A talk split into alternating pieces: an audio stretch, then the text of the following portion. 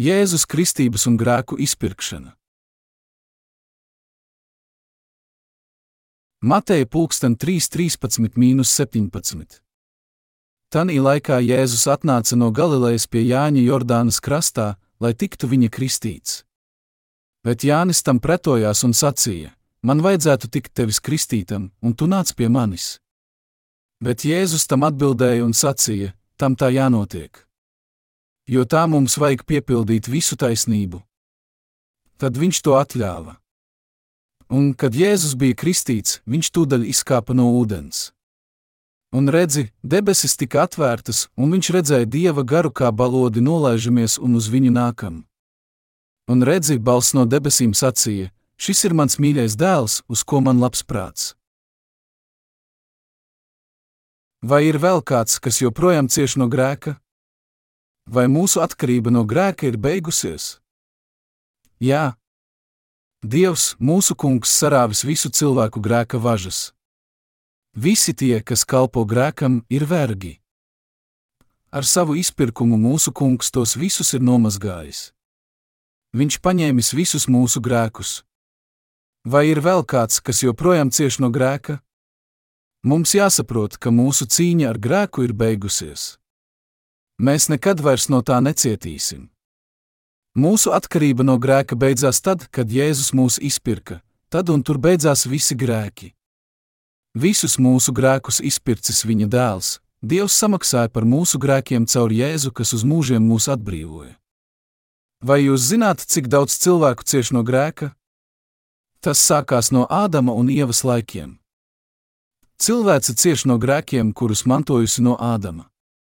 Bet mūsu Dievs noslēdza derību, par kuru rakstīts viens. Mūzus pulksten 3.15. Šī derība nozīmēja, ka viņš atbrīvos visus grēciniekus. Viņš teica, ka cilvēku grēki tiks izpirkti caur Jēzus Kristus ūdens un gara upuri. Un, kad pienāca laiks, viņš sūtīja mūsu glābēju, Jēzu, dzīvot mūsu vidū. Viņš arī apsolīja sūtīt Jāni Kristītāju pirms Jēzus un savu solījumu turēja. Marka 1, 1, 8, Jēzus Kristus, Dieva dēla, evaņģēlīja sākums. Itin kā pravietis Iesa ir rakstījis: Raugi, es sūtu savu vēstnesi tavā priekšā, kas sataisīs tavu ceļu, saucēja balss tuksnesī, sataisai tam kungam ceļu, darēt līdzenas viņa tekas. Jānis Kristītājs nāca tuksnesī, sludinādams grēku nožēlas kristību uz grēku piedošanu. Un pie viņa izgāja visa jūdejas zeme un visi Jeruzalemes ļaudis, un tie tika viņa kristīti Jordānas upē, izsūdzēdami savus grēkus. Un Jānis bija ģērbies kamieļu spalvas drēbēs un ādas jostu ap gurniem un ēda siseņus un kameņu medu, un sludināja, sacīdams: Kāds spēcīgāks nekā es nāk pēc manis, kam es neesmu cienīgs noliecies atraisīt viņa kurpju siksnas. Es jūs esmu kristījis ar ūdeni, bet viņš jūs kristīs ar svēto garu. Evanģēlija liecinieks un priekštecis Jānis Kristītājs. Kas ir Jānis Kristītājs? Augstais priesteris un visas cilvēces pārstāvis. Tie, kas tic Jēzum, ir kristīti. Kristīt nozīmē nomazgāt, apglabāt, iegremdēt kādam kaut ko nodot. Kad Jēzus tika kristīts, Dieva taisnīgums tika piepildīts. Grieķiski taisnīgums ir dikajosune, kas nozīmē būt taisnīgam, kā arī visatbilstošākais, vispiemērotākais. Jēzus kristības nozīmēja, ka tā viņš kļuva par glābēju visatbilstošākajā un vispiemērotākajā veidā. Tādēļ tie, kas tic Jēzum, saņem izpirkuma dāvanu no Dieva, ticot viņa kristībām un krustam, ūdenim un garam. Jaunajā derībā Jānis Kristītājs ir pēdējais vecās derības augstais priesteris. Aplūkosim Mateja pulksten 11.10. 11. Raksti saka, ka Jānis Kristītājs ir visas cilvēces pārstāvis. Un kā augstais priesteris jaunās derības laikos viņš visus pasaules grēkus nodeva Jēzum, tā kalpojot kā vecās derības augstais priesteris. Jēzus pats liecināja par Jāni. Mateja pulksten 11, 13, 14 viņš teica, jo visi pravieši un bauslība pravietojuši līdz Jānim. Un, kad jūs gribat saprast, viņš ir Ēlija, kam bija jānāk. Tātad Jānis Kristītājs, kurš kristīja Jēzu, bija augstā priestera Ārona pēctecis un pēdējais augstais priesteris. Arī Bībele liecina, ka Jānis ir vecās derības Ārona pēctecis Lūkas 1, 5, 1. Laiku 24, 10. Tad kāpēc Jānis viens pats dzīvoja tuksnesī, ģērbies kamieļu spalvas drēbēs? Lai iegūtu augsto priesterību. Kā cilvēces pārstāvis Jānis Kristītājs nevarēja dzīvot starp cilvēkiem. Tādēļ viņš sauc uz cilvēkiem: nožēlojiet grēkus, jūs oģu dzimums. Un kristīja viņus grēku nožēlai, kas atgrieza cilvēkus pie Jēzus, kurš paņēma visus viņu grēkus. Jānis Kristītājs nodeva visus pasaules grēkus Jēzum, lai mēs varētu tikt glābti. Divu veidu kristības. Kādēļ Jānis Kristītājs kristīja cilvēkus? Lai cilvēki nožēlotu visus savus grēkus, ticētu Jēzus kristībām un tiktu glābti. Jānis Kristītājs kristīja cilvēkus un tad kristīja Jēzu. Pirmās kristības bija grēku nožēlas kristības, kas grēciniekus mudināja atgriezties pie Dieva. Daudzi cilvēki, kas caur Jāni dzirdēja Dieva vārdus, pameta savus elkus un atgriezās pie Dieva. Otrās kristības bija Jēzus kristības, kas visus pasaules grēkus nodeva Jēzum. Jānis Kristītājs kristīja Jēzu, lai piepildītu Dieva taisnīgumu. Jēzus kristījās pie Jāņa Kristītāja, lai glābtu visus cilvēkus no viņu grēkiem, Mateja 3.15. Kādēļ Jānim bija jākristī Jēzus? Lai izdeldētu visus pasaules grēkus, Dievam bija jāļauj, lai Jānis nodotu visus grēkus Jēzum, lai tie, kas tic Jēzum, varētu tikt glābti. Jānis Kristītājs bija Dieva kalps, kuram bija jāpalīdz cilvēcei nomazgāt savus grēkus, un viņš bija cilvēks pārstāvis, kurš liecināja par izpirkuma evaņģēliju. Tādēļ Jānim bija jādzīvo vienam tuksnesī. Jāņa kristītāja laikos Izraēla ļaudis bija pilnībā samaitāti un sapūši. Tādēļ Dievs sacīja vecajā derībā Malēhī 323, 24, redzi, es sūtīšu pie jums pravieti Ēliju, iekāms nakstā kunga lielā un šausmu pilnā diena. Viņam būs jāpiegriež tēvu sirdis bērniem un bērnu sirdis saviem tēviem, lai man nebūtu jānāk un nebūtu jāapkrauj visa zeme ar savu lāstu smagumu. Dieva acīs visi Izraēla ļaudis, kas pielūdza Jahvi, bija samaitāti. Neviens nebija taisnīgs viņa priekšā. Īpaši samaitāti bija tempļa reliģiskie vadoņi, piemēram, priesteri, rakstu mācītāji un farizēji. Izraēls un priesteri nepienesa upurus saskaņā ar dieva likumu. Priesteri vairs neveica roku uzlikšanu un asins upurēšanas rituālu, ko Dievs bija viņiem mācījis viņu grēku piedošanai. Ir rakstīts, ka priesteri malēhī dienās vairs neveica upurēšanu, roku uzlikšanu un asins upurēšanas rituālu. Tādēļ Jānis Kristītājs nevarēja pie viņiem palikt. Tādēļ Jānis Kristītājs devās tuksnesī un tur sauca. Ko viņš teica? Tas rakstīts Marka 1, 2, Trīs pravieša iesaistas vārdiem: Raugi, es sūtu savu vēstnesi tavā priekšā, kas sataisīs tavu ceļu, saucēja balss tuksnesī, sataisiet tam kungam ceļu, dariet līdzenas viņa tekas. Saucēja balss tuksnesī mudināja cilvēkus kristīties grēku nožēlē. Kas ir grēku nožēlas kristības, par kurām runā Bībele? Tās ir kristības, par kurām sludināja Jānis Kristītājs, kristības, kas sauca cilvēkus atpakaļ pie Jēzus, lai viņi ticētu Jēzum, kas paņems visus viņu grēkus un tiktu glābti. Grēku nožēlas kristībām bija jāved viņus pie glābšanas. Nožēlojiet grēkus un topiet kristīti, un arī Jēzus tāpat tiks kristīts, lai paņemtu visus jūsu grēkus. Jānis Kristītājs sauca, ka Jēzus paņems visus pasaules grēkus un tiks sodīts pie krusta, lai glābtu visus cilvēkus un lai tie varētu atgriezties atpakaļ pie Dieva. Es jūs esmu kristījis ar ūdeni, bet viņš jūs kristīs ar svēto garu. Kristīt ar svēto garu nozīmē nomazgāt visus tavus grēkus. Kristīt grieķiski nozīmē nomazgāt. Jēzus Kristības Jordānā mums saka, ka Dieva dēls tā tika kristīts un paņēma visus mūsu grēkus, lai glābtu mūs. Tādēļ mums jāatgriežas no grēka un jātic viņam. Viņš ir jērs, kurš paņem visu cilvēku grēkus. Un šis ir izpirkuma evaņģēlijs, par kuru liecināja Jānis Kristītājs. Augstā priestera darbs grēku salīdzināšanai. Kas sagatavoja ceļu glābšanai? Jānis Kristītājs. Pravietis Iesai pravietoja: Runājiet sirsnīgi ar Jeruzalemi un sakai tai, ka tās ciešanu laiks ir piepildīts, ka tās noziegums salīdzināts, jo tā ir no tā kunga rokas saņēmusi divkārtīgu sodu par visiem saviem grēkiem, Iesaijas 42. Jēzus Kristus paņēma tavus un manus grēkus, un ikviena grēkus bez izņēmuma, iedzimtais grēks, pašreizējie grēki un pat nākotnes grēki tika nomazgāti caur viņa kristībām. Viņš mūs visus izpirka. Mums visiem būtu jāzina par izpirkumu. Kā glābtiem no saviem grēkiem mums jāzina, ka mums jātic šim evaņģēlijam, ka Jānis Kristītājs caur kristībām visus grēkus nodeva Jēzum. Mēs nedrīkstam to pārprast un domāt, Tā kā Dievs ir mīlestība, mēs varam ieiet debesu valstībā vienkārši ticot Jēzum, pat ja mūsu sirdīs vēl joprojām ir grēks. Lai mēs kļūtu brīvi no visiem saviem grēkiem, mums ir jātic viņa kristībām, kurās Jānis Kristītājs Jēzum nodeva visus pasaules grēkus un krustam. Ar ūdeni Jānis Kristītājs visus cilvēces grēkus uzlika Jēzum. Lai mūs glābtu, Dievs vispirms šajā pasaulē sūtīja Jāni Kristītāju.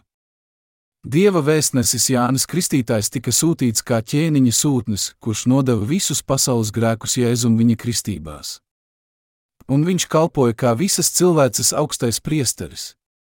Dievs mums teica, ka viņš mums sūtīs savu vēstnesi Jāni Kristītāju. Es sūtu savu vēstnesi tavā priekšā. Tavā priekšā nozīmē Jēzus priekšā. Kāpēc viņš sūtīja Jāni pirms Jēzus?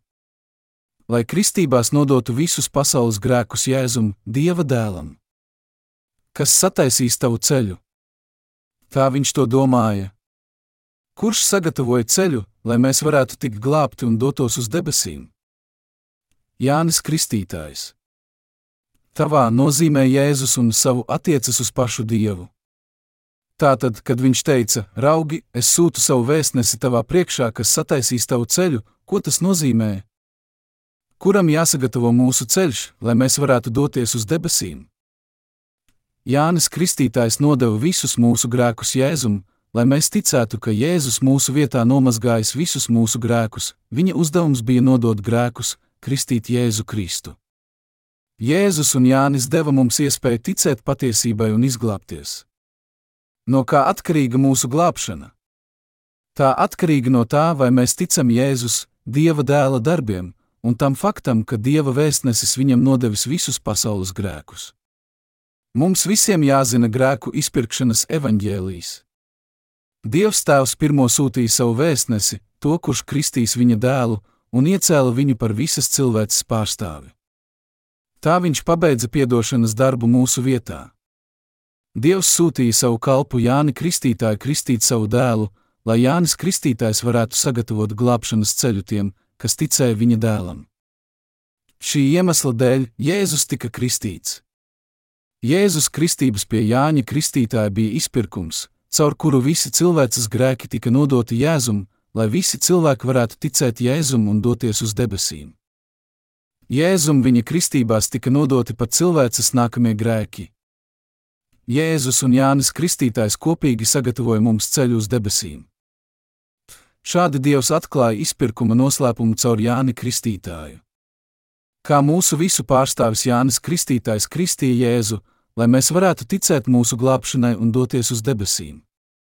Viņš nodeva visus grēkus Jēzum viņa kristībās. Šī ir prieka vēsts par glābšanu, evaņģēlīs. Kādēļ dzima Jānis Kristītājs? Kas deva mums iespēju ticēt Jēzum? Jānis Kristītājs. Malēhija 3. viens ir rakstīts: Redzi, es sūtīšu savu sūtni, kam būs sataisīt manu ceļu manā priekšā. Bībele jālasa uzmanīgi. Kādēļ Dievs mums sūtīja savu vēstnesi? Kādēļ Jānis Kristītājs dzima seši mēnešus pirms Jēzus? Mums jāsaprot, kāda ir Bībeles pamatdoma. Vecajā derībā ir daļas, kurās izklāstīta augstā priestera Ārona kalpošana. Ārons bija Mūzus vecākais brālis.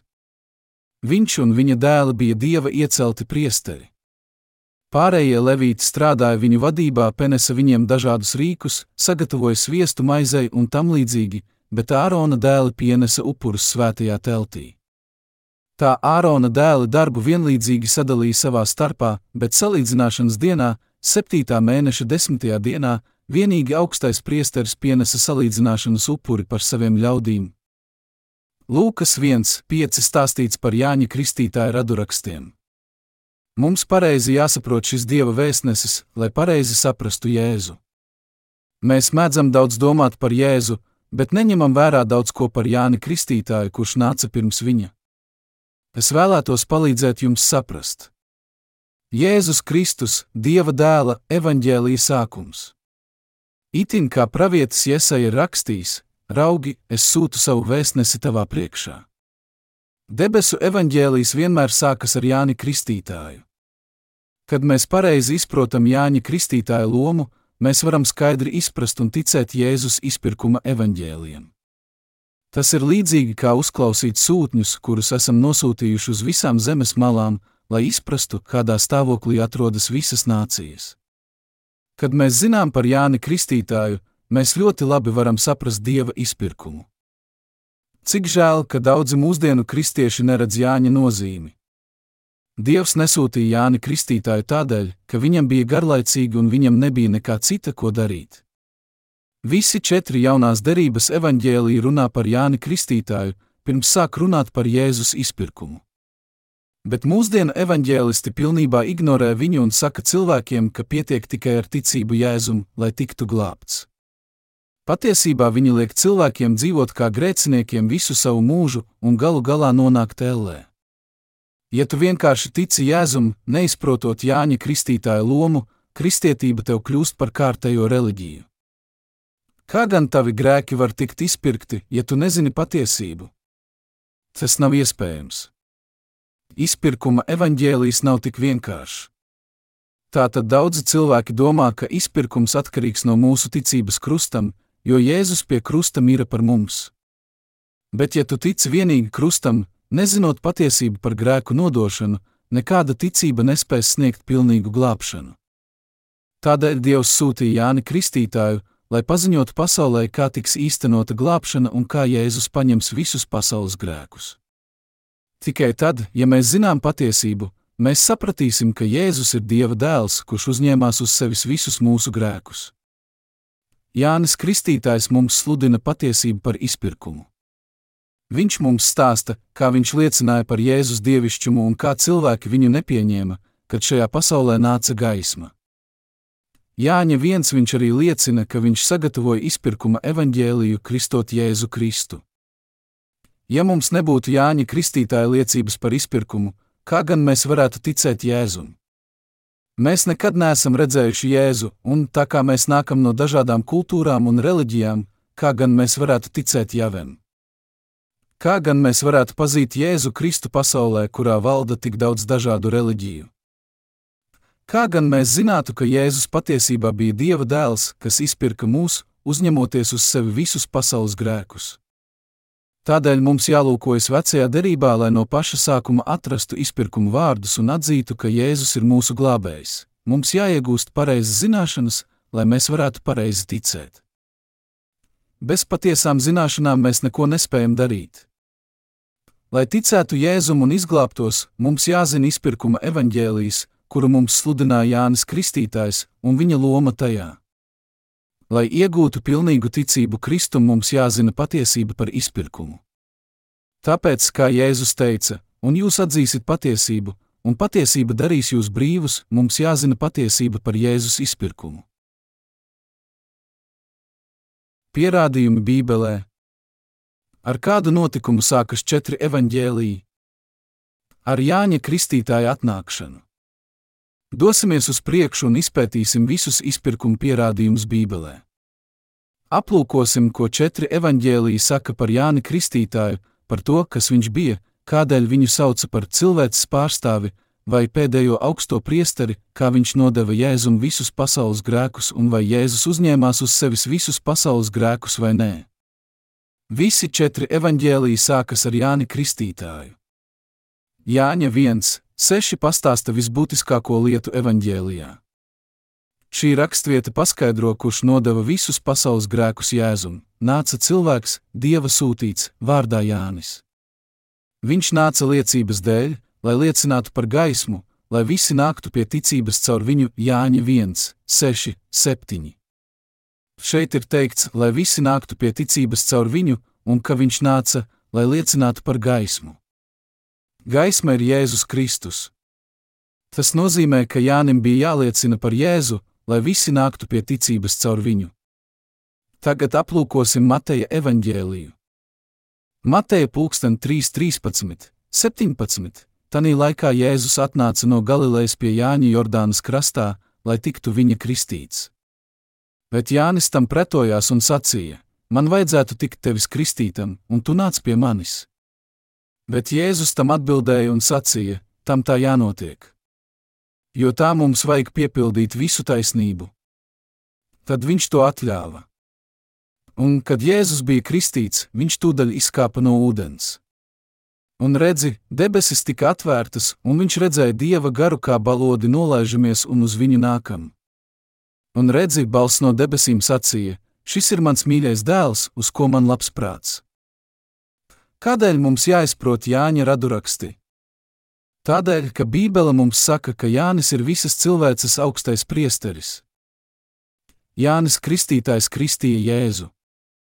Lūkas 1, 7, 8 Jēzus Kristus paveica visu grēku izpirkšanu, kristoties pie Jāņa.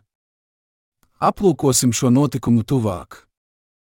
Lūkas 1, 1, 14 kad jau daudzi sākuši aprakstīt lietas, kas notikušas mūsu starpā, kā tās mums atstāstījuši pirmie aculiecinieki un dievu vārda kalpi, tad arī es, visam no sākuma izsekojis, nolēmu tev, cienījamo Teofilu, to pēc kārtas uzrakstīt, lai tu pārliecinātos par tās mācības patiesību, kas tev darīta zināma. Jūdejas ķēniņa Heroda laikā dzīvoja priesteris no abiju vienības Caharija un viņa sieva no Ārona cilts, vārdā Elizabete. Viņi abi bija taisni Dieva priekšā un staigāja nevainojami visos tā kunga baušļos un likumos. Tiem nebija neviena bērna, jo Elizabete bija neauglīga, un abi bija jau labi gados. Bet notika, ka Caharija pēc savas kārtas izpildīja priestera pienākumus Dieva priekšā, un pēc priestera paražas viņam pienācās iet tā kunga namā un kvēpināt, bet viss ļaužu pulks ārā lūdza Dievu kvēpināmā stundā, tad viņam tā kunga eņģelis parādījās, stāvēdams kvēpināmā altāra labajā pusē. Caharija, to redzēdams, izbijās un bailes to pārņēma. Bet eņģelis uz viņu sacīja: Nebīsties, Caharija, jo tava lūkšana ir paklausīta, un tava sieva Elizabete dzemdēs dēlu, un tu viņa vārdu sauksi Jānis. Un tev būs prieks un līksmība, un daudzi priecāsies par viņa piedzimšanu. Lūka detalizēti izklāsta Jāņa radurakstus. Lūka, Jēzus māceklis, no paša sākuma izskaidro Jāņa izcelsmi. Lūka mācīja evaņģēliju kādam vīram vārdā Teofils, kurš piederēja citai kultūrai un nezināja par kungu. Tādēļ, lai mācītu viņam par Jēzu, grēcinieku glābēju, Lūka domāja, ka viņam sīki jāizskaidro Jāņa Kristītāja raduraksti. Lūkas 1, 5, 9 viņš stāsta, Jūdejas ķēniņa Heroda laikā dzīvoja priesteris no abiju vienības Caharija un viņa sieva no Ārona cilts, vārdā Elizabete. Viņi abi bija taisni Dieva priekšā un staigāja nevainojami visos tā kunga baušļos un likumos. Tiem nebija neviena bērna, jo Elizabete bija neauglīga, un abi bija jau labi gados. Bet notika, ka Caharija pēc savas kārtas izpildīja priestera pienākumus Dieva priekšā, un pēc priestera paražas viņam pienācās iet tā kunga namā un kvēpināt. Šeit kāds gadījums notika tad, kad Caharija kalpoja Dievam pēc priesterības paražas. Lūka skaidri liecināja, ka Caharija bija Ārona pēctecis. Tad kādai vienībai Caharija piederēja? Tas ir ļoti svarīgi, Viņš paskaidroja, ka Caharija pēc savas kārtas izpildīja priestera pienākumus Dieva priekšā. Mēs redzam, ka Lūka tik daudz zināja par Cahariju, ka viņš izskaidroja izpirkuma evaņģēlīju caur Cahariju un Elizabeti. Tā kā arī mēs neesam jūdi, bet piedaram dažādām citām rasēm, mēs nespējam izprast Jēzus glābšanu, ja to mums detalizēti, soli pa solim neizskaidro. Noskaidrosim, kādas tad ir šīs detaļas. Jānis Kristītājs dzima Caharijam un viņa sievai Elizabetei, kas bija viena no Ārona meitām. Tagad aplūkosim Caharijas un Jāņa izcelsmi. Jāņa Kristītāja raduraksti. Kāpēc tas bija Jānis Kristītājs? Ārona augstā priestera. Lai izprastu Jāņa Kristītāja radurakstus, mums jālasa vecā derība 1. Laiku 24, 1, 19. Un Ārona dēliem bija šādi viņu iedalījumi. Ārona dēli bija Nadabs, Abijs, Eleazars un Itamārs. Bet Nadabs un Abijs nomira pirms sava tēva, un viņiem nebija dēlu, bet Eleazars un Itamārs kļuva par priesteriem. Un Dāvids tos nodalīja, Cadoku, Eleazara dēlu un Ahimēleku, Itamāra dēlu, pēc viņu kalpošanas amatiem. Un atrada, ka starp Eleazara dēliem ir vairāk galveno nekā starp Itamāra dēliem, un tie tika iedalīti. No Eleazara dēliem 16 tēvu namu galvenie, bet no Itamāra dēliem 8. Un viņš tos iedalīja kā vienus, tā otrus meslus metot, jo tik labs starp Eleazara, kā arī starp Itamāra pēcnācējiem bija augstākie svētnīcā un augstākie dieva priekšā, un Šemaja, Netanēla dēls, rakstvedis Levītu starpā pierakstīja viņus ķēniņu un augstāko priekšnieku, un priestera Cadoka un Ahimēleka abietāra dēla, un priesteru un Levītu tēvu namu galveno klātbūtnē. Viens tēvu nams tika ņemts no Eleazara un viens no Itamāra. Un pirmā meslu zīme krita Jojeribam un otrā iedajam, trešā Harimam, 4. Seorimam, 5. Malhijam, 6. Miemīnam, 7. Hakocam, 8. Abijam, 9. Ješam, 10. Šehaņam. 11. Eliešibam, 12. Jakimam, 13. Hupam, 14. Ješababam, 15. Bilgam, 16. Imeram, 17. Heziram, 18. Hapicēcam, 19. Petahjam, 20. Jeheskēlam, 21. Jakīnam, 22. Gamulam, 23. delējam, 24. māsjam. Šī bija viņu kalpošanas kārtība, kādā viņi nāca tā kunga namā saskaņā ar likumu, ko Ārons, viņu tēvs, ar tā kunga, Izrēla dieva, pavēli bija noteicis. Izlasīsim vēlreiz desmitais. Pantu 7. Hakocam, 8. abijam. Šeit Dāvids piešķīra meslu zīmes katram no Ārona dēliem, lai upuri tiktu pienesti noteiktā kārtībā. Kā jūs visi zināt, Ārons bija Mūzus vecākais brālis. Dievs iecēla Mūzu par savu pārstāvi un Āronu, par augsto priesteri saiešanas teltī Izrēla ļaužu priekšā. Visi citi levīti bija pakļauti priesteriem, un Ārons ar saviem dēliem bija atbildīgs par visiem dievam pienestajiem upuriem. Pirms tam, kad Dāvids piešķīra meslu zīmes priesteriem, Ārona pēctečiem, tas bija jāmet katreiz no jauna, un tas noveda pie lieliem pārpratumiem. Tādēļ Dāvids izveidoja sistēmu, sarindojot visas vienības noteiktā secībā. Šajā sistēmā bija 24 vienības, kas cēlušās no Ārona mazdēliem, un astotā vienība bija abiem. Un ir teikts, priesteris no abiem vienības Caharija. Tātad Caharija bija priesteris no abijas vienības, un viņi abi bija augstā priestera Ārona pēcteči. Caharija, priesteris no abijas vienības, bija Jāņa Kristītāja tēvs. No Bībeles mēs uzzinām, ka viņi mēdza precēties ar radiniekiem. Kā jūs zināt, Jēkabs apprecēja savu tēvoču no mātes puses meitu. Tieši radurakstu izskaidrojumam ir dziļa nozīme. Ir teikts, priesteris no abiem vienības Caharija. Tā tad viņš noteikti bija Ārona pēctecis. Kas? Caharija, Jāņa Kristītāja tēvs. Šis ir nozīmīgs fakts, kas jāņem vērā, lai izskaidrotu Jēzus izpirkumu, Jāņa Kristītāja kalpošanu un pasaules grēku nodošanu Jēzum. Vienīgi Ārona dēli varēja kalpot kā priesteri. Kas vecās derības laikos varēja kalpot par augsto priesteri? Ārons un viņa pēcteči. Kuri īsti Bībelē noteikts, ka Ārona dēliem jākalpo kā priesteriem? Aplūkosim šīs raksturvietas. 4. mūzus, 20, 22, 29 un tie aizgāja no Kadešas, un visa Izraēla bērnu draudze nonāca pie Hora kalna. Tad tas kungs sacīja Mozum un Āronam pie Hora kalna, pie Edoma zemes robežām, teikdams: Āronam jātiek piepulcinātam pie saviem tēviem, jo viņš neieies tanī zemē, ko es došu Izraēla bērniem, tādēļ, ka jūs nesat man klausījuši pie Meribas ūdeņiem. Ņem Āronu un viņa dēlu Eleazaru un ved tos Hora kalnā. Tur novelc Āronam viņa drēbes un uzvelc tās viņa dēlam Eleazaram, jo Ārons tur tiks piepulcināts un nomirs. Un Mūzus darīja, kā tas kungs viņam bija pavēlējis, un viņi uzkāpa visas draudzes acu priekšā Hora kalnā.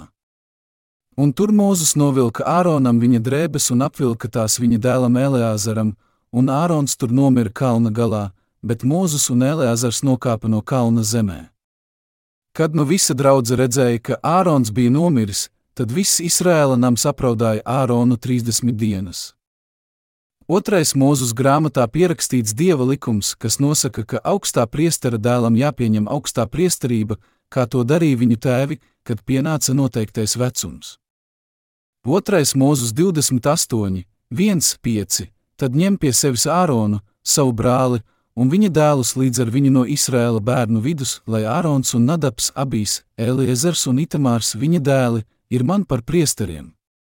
Un taisi savam brālim Āronam svētas drēbes par godu un rotu un apspriedies ar visiem, kam ir krietnas spējas, kam es esmu devis gudrības garu, lai viņi šo Āronam drēbes viņa iesvētīšanai, ka viņš varētu man kalpot par priesteri. Viņiem jāšuj šādas drēbes, krūšu zīme un efods, apmetnis un svārki no izrakstīta auduma, turbāns un josta, lai viņi taisa šīs drēbes Āronam, tavam brālim, un viņa dēliem, ka tie var būt man par priesteriem. Un viņi lai ņem zeltu, zilu un sarkanu purpuru, karmezīnu un šķetinātu smalku dzīvu audumu. Skaidri redzams, ka Dievs piešķīra priesterību Āronam, mūzus brālim. Priesterību nevarēja pieņemt kāds cits, Tādēļ Dievs lika Mozum iesvētīt Āronu par augsto priesteri un pagatavot viņam atbilstošu apģērbu. Mēs nekad nedrīkstam aizmirst Dieva vārdus. Tāpat otrais. Mūzus 29, 1, 9 teikts, šādā kārtībā jāizdara viņu iesvētīšana man par priesteriem, ņem vienu jaunu vērsi no lielopiem un divus aunus bez kādas vainas, un neraudzētas maizes, un neraudzētas mīklas plāceņus iejautus eļļā, un neraudzētas mīklas plānos raušus apziestus ar eļļu, taisitos no smalkiem kviešu miltiem. Liec tos grozā un pienes tos grozā, atved arī vērsi un abus aunus. Tad pieved Āronu un viņa dēlus pie saiešanas telts durvīm un mazgātos ar ūdeni. Un paņem drēbes un apvelc Āronam gan svārkus, gan apmetni pie efoda, gan efodu, gan krūšu zīmi, un apjoz viņu ar efoda jostu uzliec viņam galvā turbānu un liec svēto diadēmu pāri turbānam. Un paņem svaidāmo eļļu, izlai to uz viņa galvas un tā svaidi viņu. Un atved arī viņa dēlus un apvelc tiem svārkus. Un apjostos ar jostu Āronu un viņa dēlus, uzliec viņiem turbānus, lai viņiem priestera amats būtu par mūžīgu likumu. Un iecel Āronu un viņa dēlu amatā apjoz viņus ar jostu, Āronu un viņa dēlus un uzliec viņiem turbānus. Lai viņiem priestera amats būtu par mūžīgu likumu. Un iecel Āronu un viņa dēlu amatā. Dievs norādīja, ka mūžīgi priestera amatā varēja iecelt tikai Āronu un viņa dēlus. Kad viņš to deva par mūžīgu likumu, tad tā tas bija pat pēc tam, kad pasaulē bija nācis Jēzus. Tādēļ Lūka detalizēti izskaidro, ka Caharī bija augstā priestera Ārona pēctecis. Kad Caharī kalpoja kā priesteris dieva priekšā tā kunga templī, viņam parādījās eņģelis un teica, ka viņa lūgšana ir uzklausīta un ka viņa sieva Elizabete dzemdēs viņam dēlu. Caharī tam nespēja noticēt un teica: Kā es to zināšu? Mana sieva ir jau labi gados. Viņa šaubu dēļ Dievs uz kādu laiku padarīja viņu mēmu, lai pierādītu, ka viņa vārdi ir patiesi. Tikmēr viņa sieva kļuva grūta, un pēc kāda laika arī Marija, jaunava, kļuva grūta. Abi notikumi bija dieva sagatavošanās darbi mūsu glābšanai. Lai izglābtu pagrimušo cilvēci, viņam bija jāsūta savs kalps Jānis un jālaiž šajā pasaulē savs vienpiedzimušais dēls Jēzus.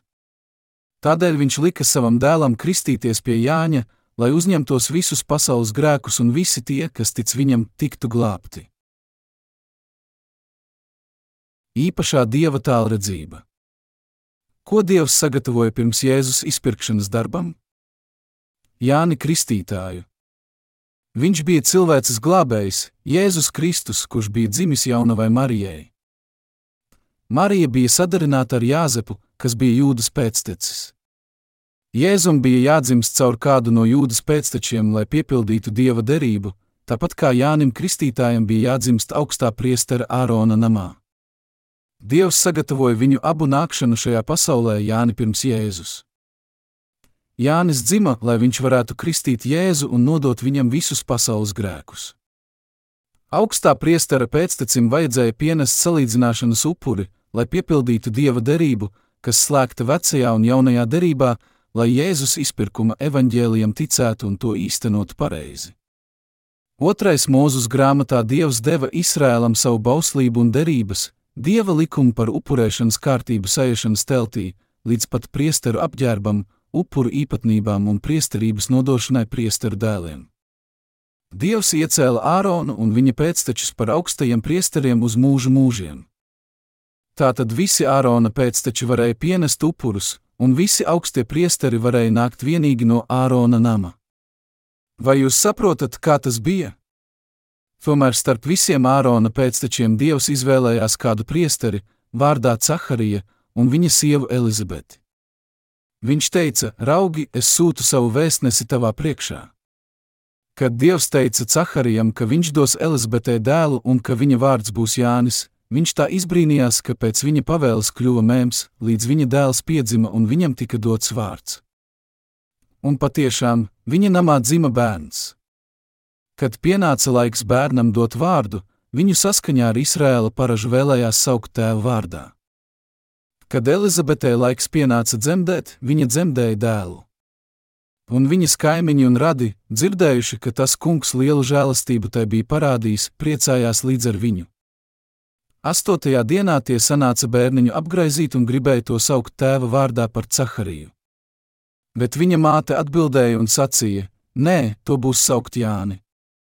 Tad tie viņai sacīja: Neviena nav tavos rados, kam tāds vārds.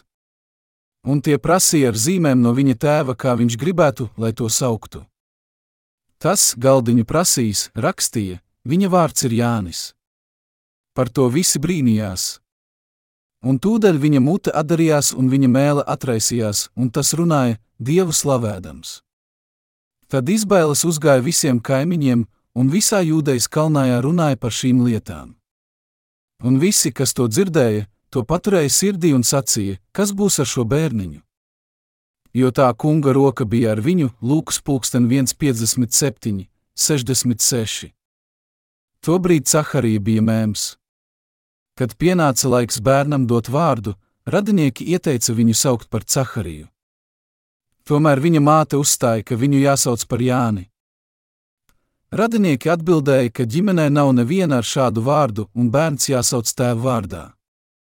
Kad Elizabete nemainīja savas domas, radinieki devās pie Caharijas un jautāja, kā saukt bērnu. Tā kā Caharija vēl nevarēja runāt, viņš prasīja rakstāmo dēlīti un uzrakstīja Jānis. Visi radinieki brīnījās par neparasto vārda izvēli. Bet pēc tam, kad vārds bija dots, Caharijas mēlē tūliņ atraisījās. Viņš slavēja Dievu, tika piepildīts ar svēto garu un pravietoja. Lūka stāsta par Jāņa Kristītāja dzimšanu Caharijas namā. Dzīvoja priesteris no abiem vienības Caharija. Ar īpašu dieva tālredzību Jānis Kristītājs, visas cilvēces pārstāvis, piedzima Caharijam Ārona pēctecim. Un caur Jāni Kristītāju un Jēzu Kristu Dievs paveica cilvēces glābšanu. Mēs esam glābti no saviem grēkiem, ticot glābšanas darbam, kas paveikts caur Jāni un Jēzu Kristu. Jēzus Kristības Kādēļ Jēzus kristījās pie Jāņa, lai paņemtu visus pasaules grēkus. Jānis Kristītājs liecināja, ka Jēzus ir Dieva dēls, kas uzņēmies visus mūsu grēkus. Tas bija Jānis Kristītājs, Dieva kalps, kurš liecināja par mūsu glābšanu. Tas nenozīmē, ka pats Dievs mums neteiktu, ka Viņš ir mūsu glābējs. Dievs darbojas caur saviem kalpiem baznīcā un caur visiem cilvēkiem, kuri ir glābti. Dievs saka, zāle nokalst, puķi novīst, bet mūsu Dieva vārds paliek mūžīgi. Runājiet sirsnīgi ar Jeruzalemi un sakiet tai, ka tās ciešanu laiks ir piepildīts, ka tās noziegums salīdzināts, jo tā ir no tā kunga rokas saņēmusi divkārtīgu sodu par visiem saviem grēkiem, Iesaijas 40, 2,8. Jūs vairs neesat grēcinieki. Es esmu izpircis visus jūsu grēkus, un mūsu naids ir beidzies. Tā izpirkuma evaņģēlīja balss turpina uz mums runāt. Tas ir tas, ko sauc par sagatavoto evaņģēlīju. Kad mēs saprotam Jāņa Kristītāja darbu, kad mēs patiešām apzināmies, ka Jānis Kristītājs Jēzum nodeva visus pasaules grēkus, tad mēs visi varam kļūt brīvi no saviem grēkiem. Visi četri evaņģēlīji stāsta par Jāni Kristītāju, un arī pēdējais vecās derības pravietis liecina par Jāni Kristītāju, Dieva kalpu. Un jaunā derība sākas ar Jāņa Kristītāja dzimšanu un grēku nodošanu caur viņu. Kāpēc mēs viņu saucam par Jāni Kristītāju? Tāpēc, ka viņš kristīja Jēzu. Ko nozīmē kristības? Tās nozīmē nodot, apglabāt, nomazgāt to pašu, ko vecajā derībā nozīmēja roku uzlikšana. Kad kāds vīrs grēkoja vecās derības laikos, viņš uzlika savus grēkus uz bezvainīga grēku upura galvas, uzliekot rokas uz grēku upura, un upuris mira par šiem grēkiem. Roku uzlikšana nozīmē nodot kaut ko kādam. Tātad roku uzlikšana un kristības ir viens un tas pats, tikai ar dažādiem nosaukumiem. Kāda bija Jēzus kristība nozīme? Viņa kristības bija vienīgais veids, kā veikt salīdzināšanu dieva noteiktajā kārtībā. Vecajā derībā grēciniekiem bija jāuzliek savas rokas uz upura, lai uzliktu savus grēkus uz tā galvas. Tad tam pārgrieza rīkli un priesteri ņēma asinis, lai uztrieptu tās uz dedzināmo upuru altāra ragiem. Šādā veidā veica salīdzināšanu par ikdienas grēkiem. Kā veica salīdzināšanu par gada laikā paveiktajiem grēkiem? Ārons, augstais priesteris, pienesa upuri par visiem Izraēla ļaudīm. Tā kā Jānis Kristītājs bija dzimis Ārona namā, viņš varēja būt priesteris, un Dievs izvēlējās viņu par pēdējo augsto priesteri saskaņā ar viņa izpirkuma apsolījumu. Jānis Kristītājs bija visas cilvēces pārstāvis un pēdējais visas cilvēces augstais priesteris, jo vecā derība beidzās ar Jēzus Kristus dzimšanu. Kurš gan cits, ja ne Jānis Kristītājs, jaunajā derībā uzlika visus pasaules grēkus Jēzum, gluži kā Ārons veica salīdzināšanas darbu par saviem ļaudīm vecajā derībā? Kā pēdējais vecās derības augstais priesteris un visas cilvēces pārstāvis Jānis Kristītājs ar Jēzus kristībām uzlika viņam visus pasaules grēkus. Tāpēc, ka Jānis nodeva visus grēkus Jēzum, mēs varam saņemt izpirkumu, ticot ūdens un gara evaņģēliem. Jēzus nāca kā jērs, lai glābtu grēciniekus, tā izpildot izpirkšanas darbu atbilstoši Dieva iecerēji. Jēzus mums teica, ka Jānis Kristītājs bija pēdējais no praviešiem, pēdējais augstais priesteris, kurš viņam nodeva visus pasaules grēkus. Kādēļ Jēzus nevarēja to izdarīt pats? Kādēļ viņam vajadzēja Jāni Kristītāju? Bija kāds iemesls, kādēļ Jānis Kristītājs nāca sešus mēnešus pirms Jēzus. Tas tā bija tādēļ, lai piepildītu vecās derības bauslību, lai padarītu veco derību pilnīgu. Jēzus piedzima jaunavai Marijai, un Jānis Kristītājs piedzima vecai sievietei, vārdā Elizabete. Tie bija dieva darbi, un viņš tos bija iecerējis, lai glābtu visus grēciniekus. Lai glābtu mūs no mūžīgās cīņas ar grēku un visām grēcīgās cilvēces ciešanām, viņš sūtīja savu kalpu Jāni, un pēc viņa pats savu dēlu Jēzu. Jānis Kristītājs tika sūtīts kā visas cilvēces pārstāvis, pēdējais augstais priesteris. Lielākais starp no sievām dzimušajiem. Kas bija lielākais vīrs uz zemes? Jānis Kristītājs. Aplūkosim Mateja 11, 7, 14. Kad tie aizgāja, Jēzus iesāka runāt uz ļaudīm par Jāni, ko jūs esat izgājuši tuksnesī skatīt. Vai kādu niedri, ko vējš šurpu turpu šauba? Jeb ko jūs esat izgājuši redzēt? Vai kādu cilvēku mīkstās drēbēs? Redzi, kas mīkstas drēbes valkā, tie ir ķēniņu namos. Jeb ko jūs esat izgājuši redzēt? Vai kādu pravieti? Tiešām es jums saku, tas ir augstāks nekā pravietis. Šis ir tas, par ko rakstīts: Redzi, es sūtu savu eņģeli tavā priekšā, kam būs tev ceļu sataisīt. Patiesi es jums saku, no sievām dzimušie neviens nav cēlies lielāks par Jāni Kristītāju, bet mazākais debesu valstībā ir lielāks par viņu. Bet no Jāņa Kristītāja laika līdz mūsu dienām debesu valstībā laužas iekšā un tīkotāji ar varu cenšas to sagrābt. Jo visi pravieši un bauslība pravietojuši līdz Jānim, un, kad jūs gribat saprast, viņš ir Ēlija, kam bija jānāk. Cilvēki devās tuksnesī, lai redzētu Jāni Kristītāju, kas sauca: Atgriezieties no grēkiem, jūs oģu dzimums! Un Jēzus teica: Jebko jūs esat izgājuši redzēt? Vai kādu cilvēku mīkstās drēbēs? Redzi, kas mīkstas drēbes valkā, tie ir ķēniņu namos. Pats Jēzus liecināja par Jāņa lielumu. Ko jūs esat izgājuši tuksnesī skatīt? Barbaru, kas ģērbies kamieļu spalvas drēbēs un kliedz, cik vien spēka. Viņam bija jāvalkā kamieļu spalvas drēbes. Ko jūs esat izgājuši skatīt? Vai kādu cilvēku mīkstās drēbēs? Tie, kas valkā mīkstas drēbes, ir ķēniņu namos. Bet viņš ir lielāks par ķēniņu, liecināja Jēzus. Redzi, kas mīkstas drēbes valkā, tie ir ķēniņu namos. Jeb ko jūs esat izgājuši redzēt? Vai kādu pravieti? Tiešām es jums saku, tas ir augstāks nekā pravietis. Tolaik pravietis bija augstāks nekā ķēniņš. Jānis Kristītājs bija augstāks par ķēniņu un augstāks par pravieti. Viņš bija augstāks par visiem vecās derības praviešiem. Patiesībā Jānis, pēdējais augstais priesteris un visas cilvēces pārstāvis, bija augstāks par Āronu, pirmo augsto priesteri. Pats Jēzus liecina par Jāni. Kas ir cilvēces pārstāvis? Izņemot pašu Kristu, kas ir lielākais vīrs uz zemes. Jānis Kristītājs. Es jums saku, tas ir augstāks nekā pravietis. Šis ir tas, par ko rakstīts: Redzi, es sūtu savu eņģeli tavā priekšā, kam būs tev ceļu sataisīt. Jānis Kristītājs liecināja, ka cīņa ar grēku ir beigusies. Redzi, Dieva jērs, kas nes pasaules grēku. Jānis Kristītājs liecināja, ka Jēzus paņēmis visus pasaules grēkus. Mateja pulksten 11, 11. Patiesi es jums saku, no sievām dzimušie neviens nav cēlies lielāks par Jāni Kristītāju. Vai starp no sievām dzimušajiem kāds ir bijis lielāks par Jāni Kristītāju? Ko nozīmē no sievām dzimušie? Visa cilvēce. Izņemot Ādamu, visi cilvēki dzimuši sievietēm. Jā, no tiem, kas dzimuši sievietēm, neviens nav cēlies lielāks par Jāni Kristītāju.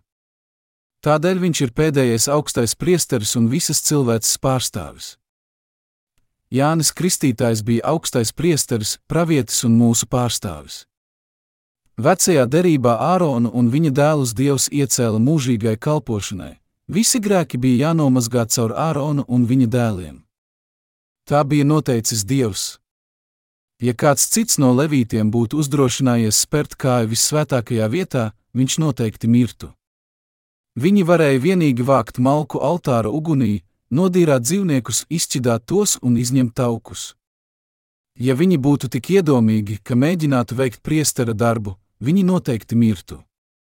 Tāds ir dieva likums. Viņi nevarēja pārkāpt šo robežu. Uz zemes nav neviena vīra, kas būtu lielāks par Jāni Kristītāju. Viņš bija dižākais no visiem mirstīgajiem bet no Jāņa Kristītāja laika līdz mūsu dienām debesu valstībā laužas iekšā un tīkotāji ar varu cenšas to sagrābt. Visas cilvēce tika izpirkta, kad Jānis Kristītājs kristīja Jēzu, un tie, kas tic Jēzum, var ieiet debesu valstībā. Viņi kļūst taisnīgi. Aplūkosim, kā Jāņa tēvs liecināja par savu dēlu. Caharijas, Jāņa tēva liecība. Ko Caharija pravietoja par savu dēlu? Jānis sagatavos tā kunga ceļu, sniedzot zināšanas par lāpšanu viņa ļaudīm. Lasīsim Lūkas 1, 67, 80. Un viņa tēvs Caharija tapa svētā gara pilns, pravietoja un sacīja: Slavēts ir tas kungs, Izraēla dievs, jo tas piemeklējis savus ļaudis un tiem gādājis pestīšanu un mums uzcēlis pestīšanas ragu sava kalpa Dāvida namā, kā tas sendienās solījis ar savu svēto praviešu muti, mūs pestīt no mūsu ienaidniekiem un no visu to rokām, kas mūs ienīst, parādīt žēlastību mūsu tēviem un pieminēt savu svēto derību, un dot mums stipro solījumu, ko viņš zvērējis mūsu tēvam Abrahamam, ka mēs no savu ienaidnieku Rokām pestīti, viņam bezbailīgi kalpotu svētumā un taisnībā viņa priekšā visas mūža dienas. Un tevi, bērniņ, sauks par visaugstākā pravieti, jo tu iesi tā kunga priekšā sataisīt viņam ceļus, dot viņa ļaudīm pestīšanas atziņu uz grēku piedošanu mūsu dieva sirsnīgās žēlastības dēļ, ar ko auseklis no augšienes mūs uzlūkojas, lai spīdētu tiem, kas mīt tumsībā un nāves ēnā, un atgrieztu mūsu soļus uz miera ceļu. Un bērniņš auga un garā stiprinājās un bija tuksnesī līdz tai dienai, kad tam bija stāties Izrēla ļaužu priekšā. Caharija pravietoja divas lietas. Viņš pravietoja, ka nācis visu cilvēku ķēniņš. No 68. līdz 73. pantam viņš priecīgs pravietoja, ka Dievs nav aizmirsis savus solījumus un ka Jēzus, kā Dievs solīja Abrahamam, dzimis jaunavai Marijai, lai glābtu viņa pēctečus no ienaidnieku rokām. Un tad no 74. panta, ka mēs no savu ienaidnieku rokām pestīti, viņam bezbailīgi kalpotu. Tas ir atgādinājums Dieva apsolījumam Abrahamam un Izraēla ļaudīm, un viņš pravietoja, ka mēs viņam bezbailīgi kalpotu. No 76. panta viņš pravietoja par savu dēlu un tevi, bērniņ, sauks par visaugstākā pravieti, jo tu iesi tā kunga priekšā sataisīt viņam ceļus, dot viņa ļaudīm pestīšanas atziņu uz grēku piedošanu mūsu dieva sirsnīgās žēlastības dēļ, ar ko auseklis no augšienes mūs uzlūkojas, lai spīdētu tiem, kas mīt tumsībā un nāves ēnā, un atgrieztu mūsu soļus uz miera ceļu. Šeit viņš teica: dot viņa ļaudīm pestīšanas atziņu uz grēku piedošanu. Kam viņa prāt bija jādod pestīšanas atziņa? Jānim Kristītājam. Vai jūs visi to saprotat? Dieva vārdiem runājot, Jānim Kristītājam bija jādod mums atziņa, ka Jēzus ir Dieva dēls, kurš paņēma pasaules grēku. Tagad aplūkosim Marka 1. Jēzus Kristus, Dieva dēla, evaņģēlīja sākums. Itin kā pravietis Jēzus ir rakstījis, Raugi, es sūtu savu vēstnesi tavā priekšā, kas sataisīs tavu ceļu, saucēja balss tuksnesī, sataisai tam kungam ceļu, darēt līdzenas viņa tekas. Jānis Kristītājs nāca tuksnesī, sludinādams grēku nožēlas kristību uz grēku piedošanu. Un pie viņa izgāja visa jūdejas zeme un visi Jeruzalemes ļaudis, un tie tika viņa kristīti Jordānas upē, izsūdzēdami savus grēkus Marka 1, 1, 5. Cilvēki novērsās no pagānu elku pielūgsmes un kristījās pie Jāņa Kristītāja. Bet Jānis liecināja: Es kristu jūs ar ūdeni, lai jūs varētu atgriezties pie Dieva. Bet nāks Dieva dēls un tiks manis kristīts, lai uzņemtos visus jūsu grēkus.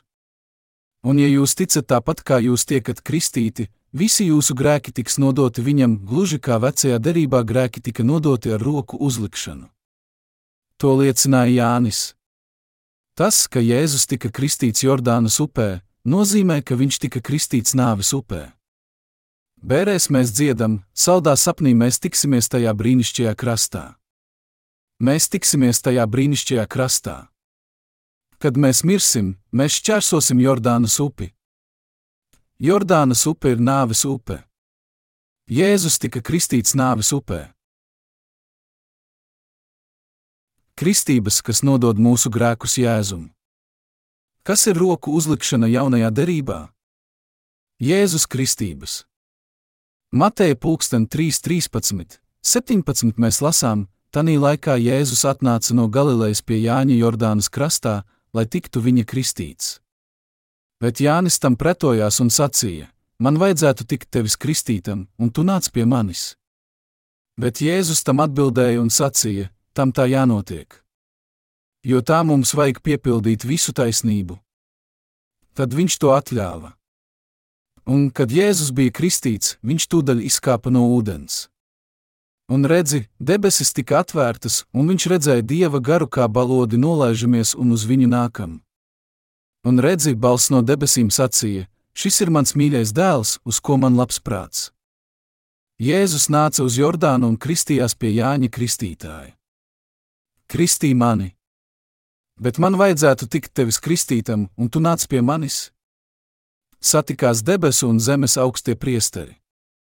Saskaņā ar vēstuli ebrejiem, Jēzus Kristus mūžīgi ir augstais priesteris pēc Melhidezeka kārtas. Viņam nav ģenealoģijas. Viņš nav ne Ārona, nekāda cita zemes cilvēka pēctecis.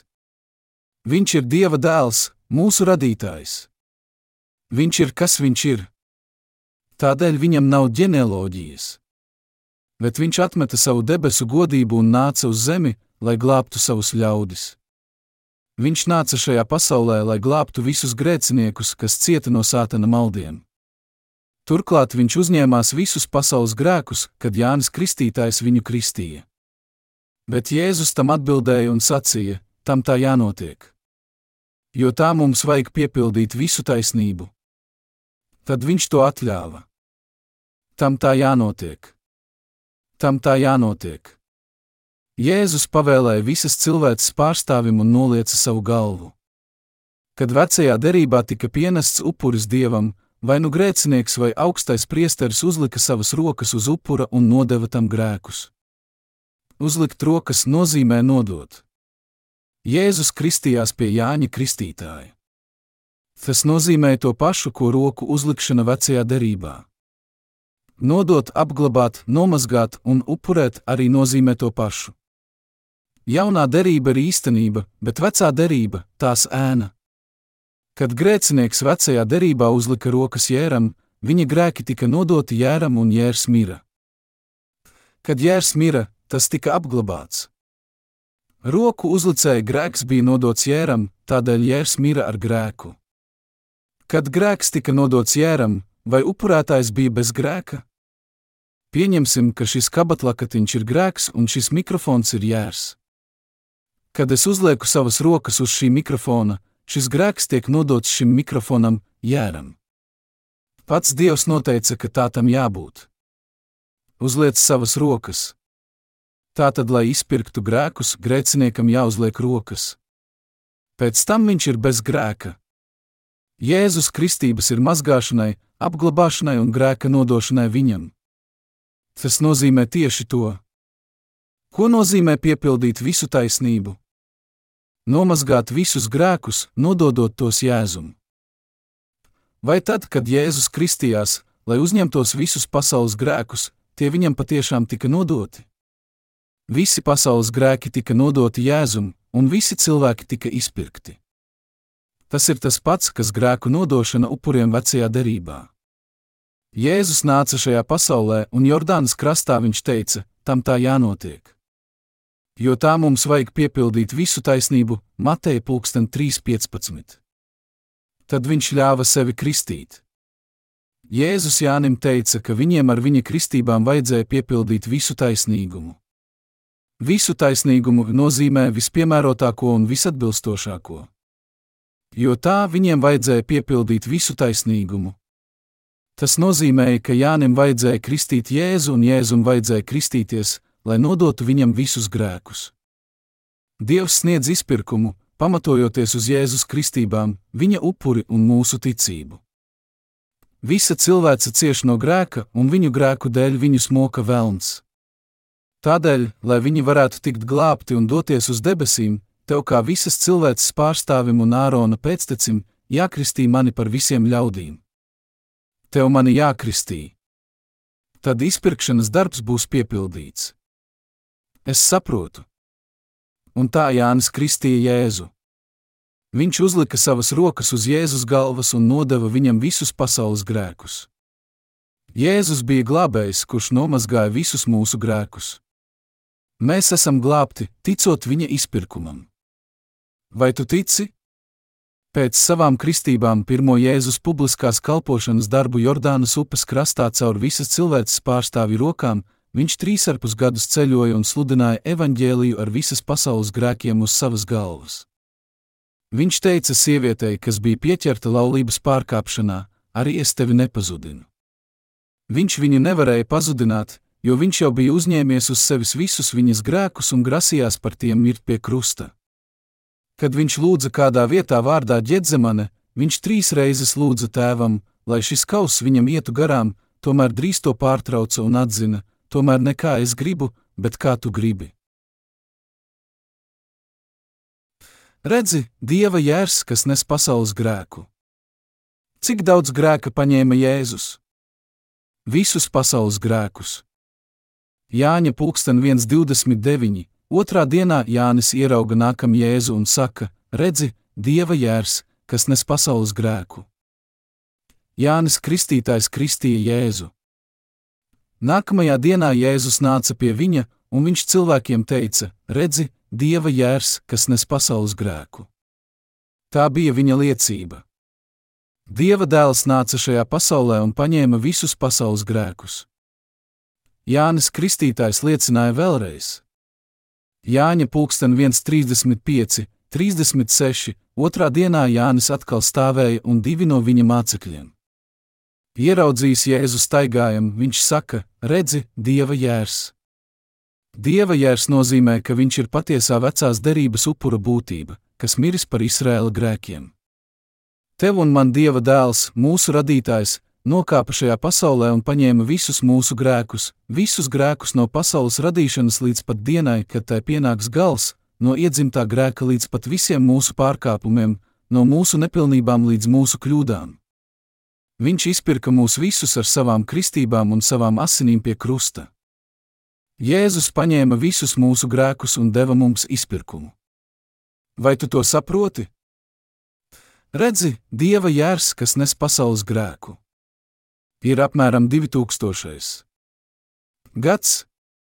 Tas nozīmē, ka apmēram 2000 gadi pagājuši kopš brīža, kad viņš nāca šajā pasaulē.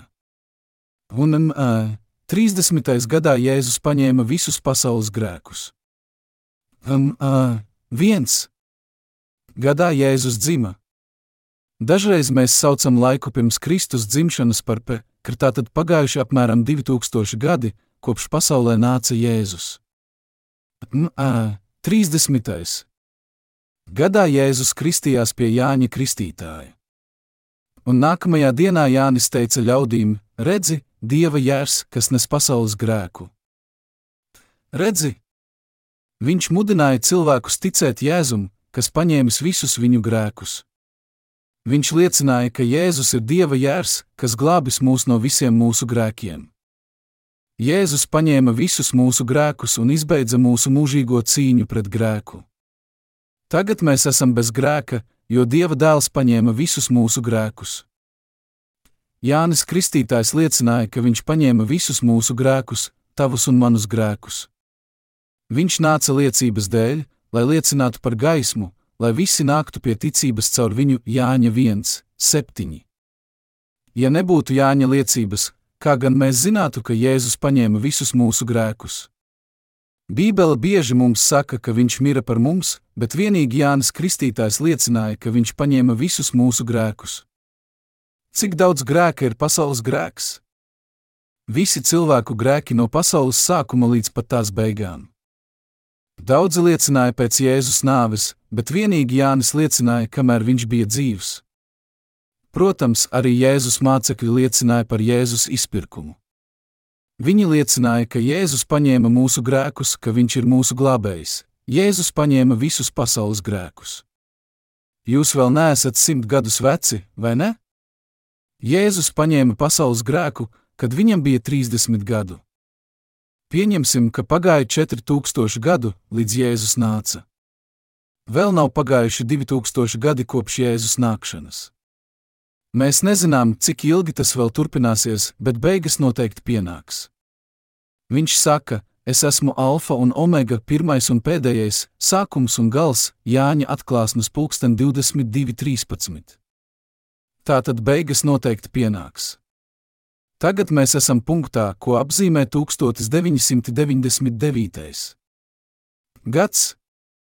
Kristus paņēma visus mūsu grēkus, m, 30.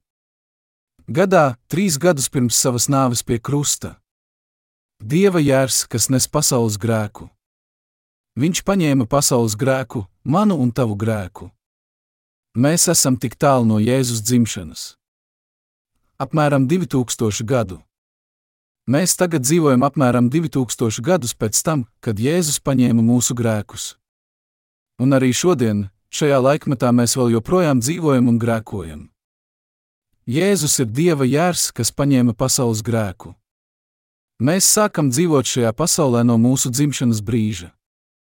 Vai mēs visi grēkojam kopš mūsu dzimšanas brīža vai nē? Mēs grēkojam. Aplūkosim to pilnībā. Vai mēs grēkojam no dzimšanas brīža līdz desmit gadu vecumam vai nē? Mēs grēkojam. Vai šie grēki tika nodoti Jēzum vai nē? Tika. Tā kā visi mūsu grēki nodoti Jēzum, viņš ir mūsu glābējs. Ja tā nebūtu, kā viņš varētu būt mūsu glābējs? Visi grēki tika nodoti Jēzum. Vai mēs grēkojam no 11 līdz 20 gadu vecumam, Mēs grēkojam savās sirdīs, savos darbos. Mums tas ļoti labi sanāk. Mums ir mācīts negrēkot, bet mēs to darām bez īpašas piepūles. Un Dievs mums saka, ka šie grēki nodoti Jēzum. Viņš zināja, kādi mēs esam, tādēļ viņš jau iepriekš paņēma šos grēkus. Cik ilgi mēs parasti dzīvojam šajā pasaulē? Pieņemsim, ka tie ir apmēram 70 gadi. Ja mēs saskaitītu visus tos grēkus, kurus paveicam šo 70 gadu laikā, cik daudz tas būtu? Ja mēs tos sakrautu 8 tonu kravas mašīnās, iespējams, sanāktu daudz vairāk par 100 kravām. Pamēģiniet iztēloties, cik daudz grēka mēs paveicam mūsu dzīves laikā. Vai tie ir vai nav pasaules grēki? Tie ir pasaules grēki. Mēs grēkojam arī vecumā no 20 līdz 30 gadiem, un arī tie ir pasaules grēki. Cilvēka glābējs Jēzus Kristus. Cik daudz grēka paņēma Jēzus? Visus mūsu priekšteču, mūsu pašu un mūsu pēcteču grēkus līdz pat pasaules galam. Jēzus mums saka, ka viņš nomazgājis visus šos grēkus. Jēzus nevarēja pats sev teikt: Kristī mani, tādēļ Dievs vispirms sūtīja savu kalpu Jāni, izvēlēto visas cilvēces pārstāvi. Viņa vārdu sauc brīnišķīgais padomdevējs, varenais dievs, viņš pats, savā gudrībā pēc sava padoma, vispirms sūtīja visas cilvēces pārstāvi, un viņš pats, Dieva dēls, nāca miesā un paņēma cauri viņu visus pasaules grēkus. Vai tā nav brīnišķīga glābšana? Tā ir brīnišķīga, vai ne? Tātad tikai vienreiz kristoties pie Jāņa Kristītāja viņš nomazgāja visu cilvēku grēkus visā pasaulē un atbrīvoja ikvienu no grēka, kad tika sists krustā. Viņš atbrīvoja mūs visus. Padomā par to visi tavi grēki no 20 līdz 30 gadiem, no 30 līdz 40, no 40 līdz 60, līdz 70, līdz 100, un tad vēl ir tavu bērnu grēki. Vai viņš nomazgāja visus tavus grēkus vai nē? Viņš nomazgāja pilnīgi visus. Viņš ir Jēzus Kristus, cilvēces glābējs. Tāpēc, ka Jānis Kristītājs nodeva visus mūsu grēkus Jēzum, un tāpēc, ka Dievs to tā bija iecerējis, mēs varam saņemt atbrīvošanu, ja ticam Jēzum. Vai tu un es esam grēcinieki? Vai visi mūsu grēki tika nodoti Jēzum vai nē? Mēs vairs neesam grēcinieki, un visi mūsu grēki tika nodoti Jēzum. Kurš gan uzdrošinās apgalvot, ka šajā pasaulē ir grēks? Jēzus paņēma visus pasaules grēkus. Viņš zināja, ka mēs grēkosim, un paņēma arī visus nākotnes grēkus. Dažiem no mums vēl nav 50, un daži nav nodzīvojuši pat pusi mūža, bet mēs, ieskaitot mani pašu, mēdzam par sevi runāt tā, it kā būtu dzīvojuši mūžīgi. Daudzi no mums dzīvo vētrainu dzīvi. Izskaidrosim to šādi. Cik daudz ir puse no viendienītes mūža? Apmēram 12 stundas. Ak, vai! Es satiku tādu un tādu vīru, un viņš man uzbruka ar mušu pletni, un mani gandrīz vai nosita, un, un, un viņš bija dzīvojis vienīgi 12 stundas, bet par to vien runāja.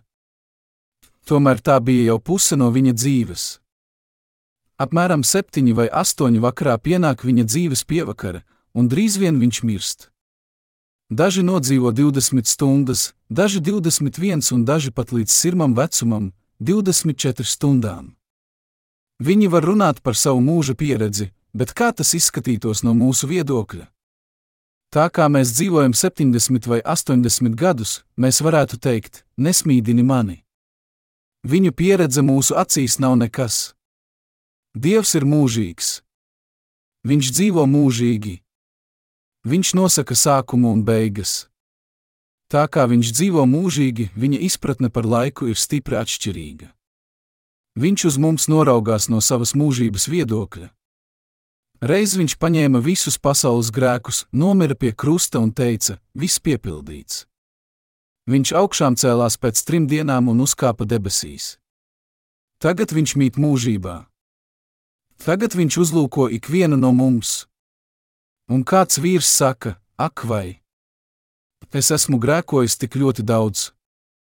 Lai gan es esmu dzīvojis tikai 20 gadus, es esmu tik daudz grēkojis. Es esmu dzīvojis 30 gadus un grēkojis pārāk daudz. Vienkārši pārāk daudz. Kā gan man to varētu piedot? Bet mūsu kungs savā mūžībā teiks: Nesmīdini mani! Es esmu izpircis ne tikai tavus līdzšinējos grēkus, bet arī tavu priekšteču grēkus, pirms tu biji dzimis, un visu tavu pēcteču grēkus, kas dzīvos pēc tavas nāves. Viņš to saka tev no mūžības viedokļa. Vai tu tam tici? Tici! Un saņem glābšanas dāvanu, kas tev tiek dota bez maksas. Un ieeja debesu valstībā. Netici mūsu domām, bet Dieva vārdiem. Tā mums vajag piepildīt visu taisnību. Visu taisnību piepildīja Dieva jērs, kas paņēma pasaules grēku. Jēzus paņēma visus pasaules grēkus. Vai ne tā?